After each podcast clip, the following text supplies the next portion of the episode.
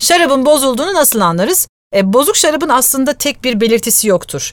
Genellikle koku en doğru göstergedir bizim için. Yani şarabın kokusuna bakarak bozulup bozulmadığını anlayabiliriz.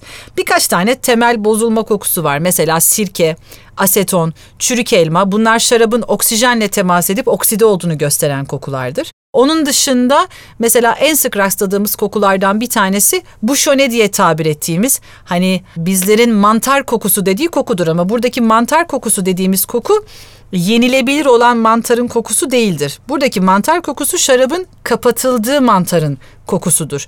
Biliyorsunuz bu bir ağaç, ağacın kabuğundan yapılıyor.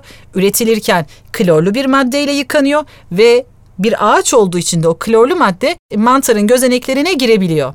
Sonra da doğal mantarlı şarabı yatık saklamak zorundayız. Mantarın şarapla temas edip şişebilmesi için. E, yatık sakladığınızda da alkol o klorlu maddeyi bir güzel çözüyor ve bu madde şarabın içine nüfuz ediyor. Sağlıkla herhangi bir problemi yok o maddenin hani zehirlemez. Fakat kokuda problem yaratır. Ne gibi kokar?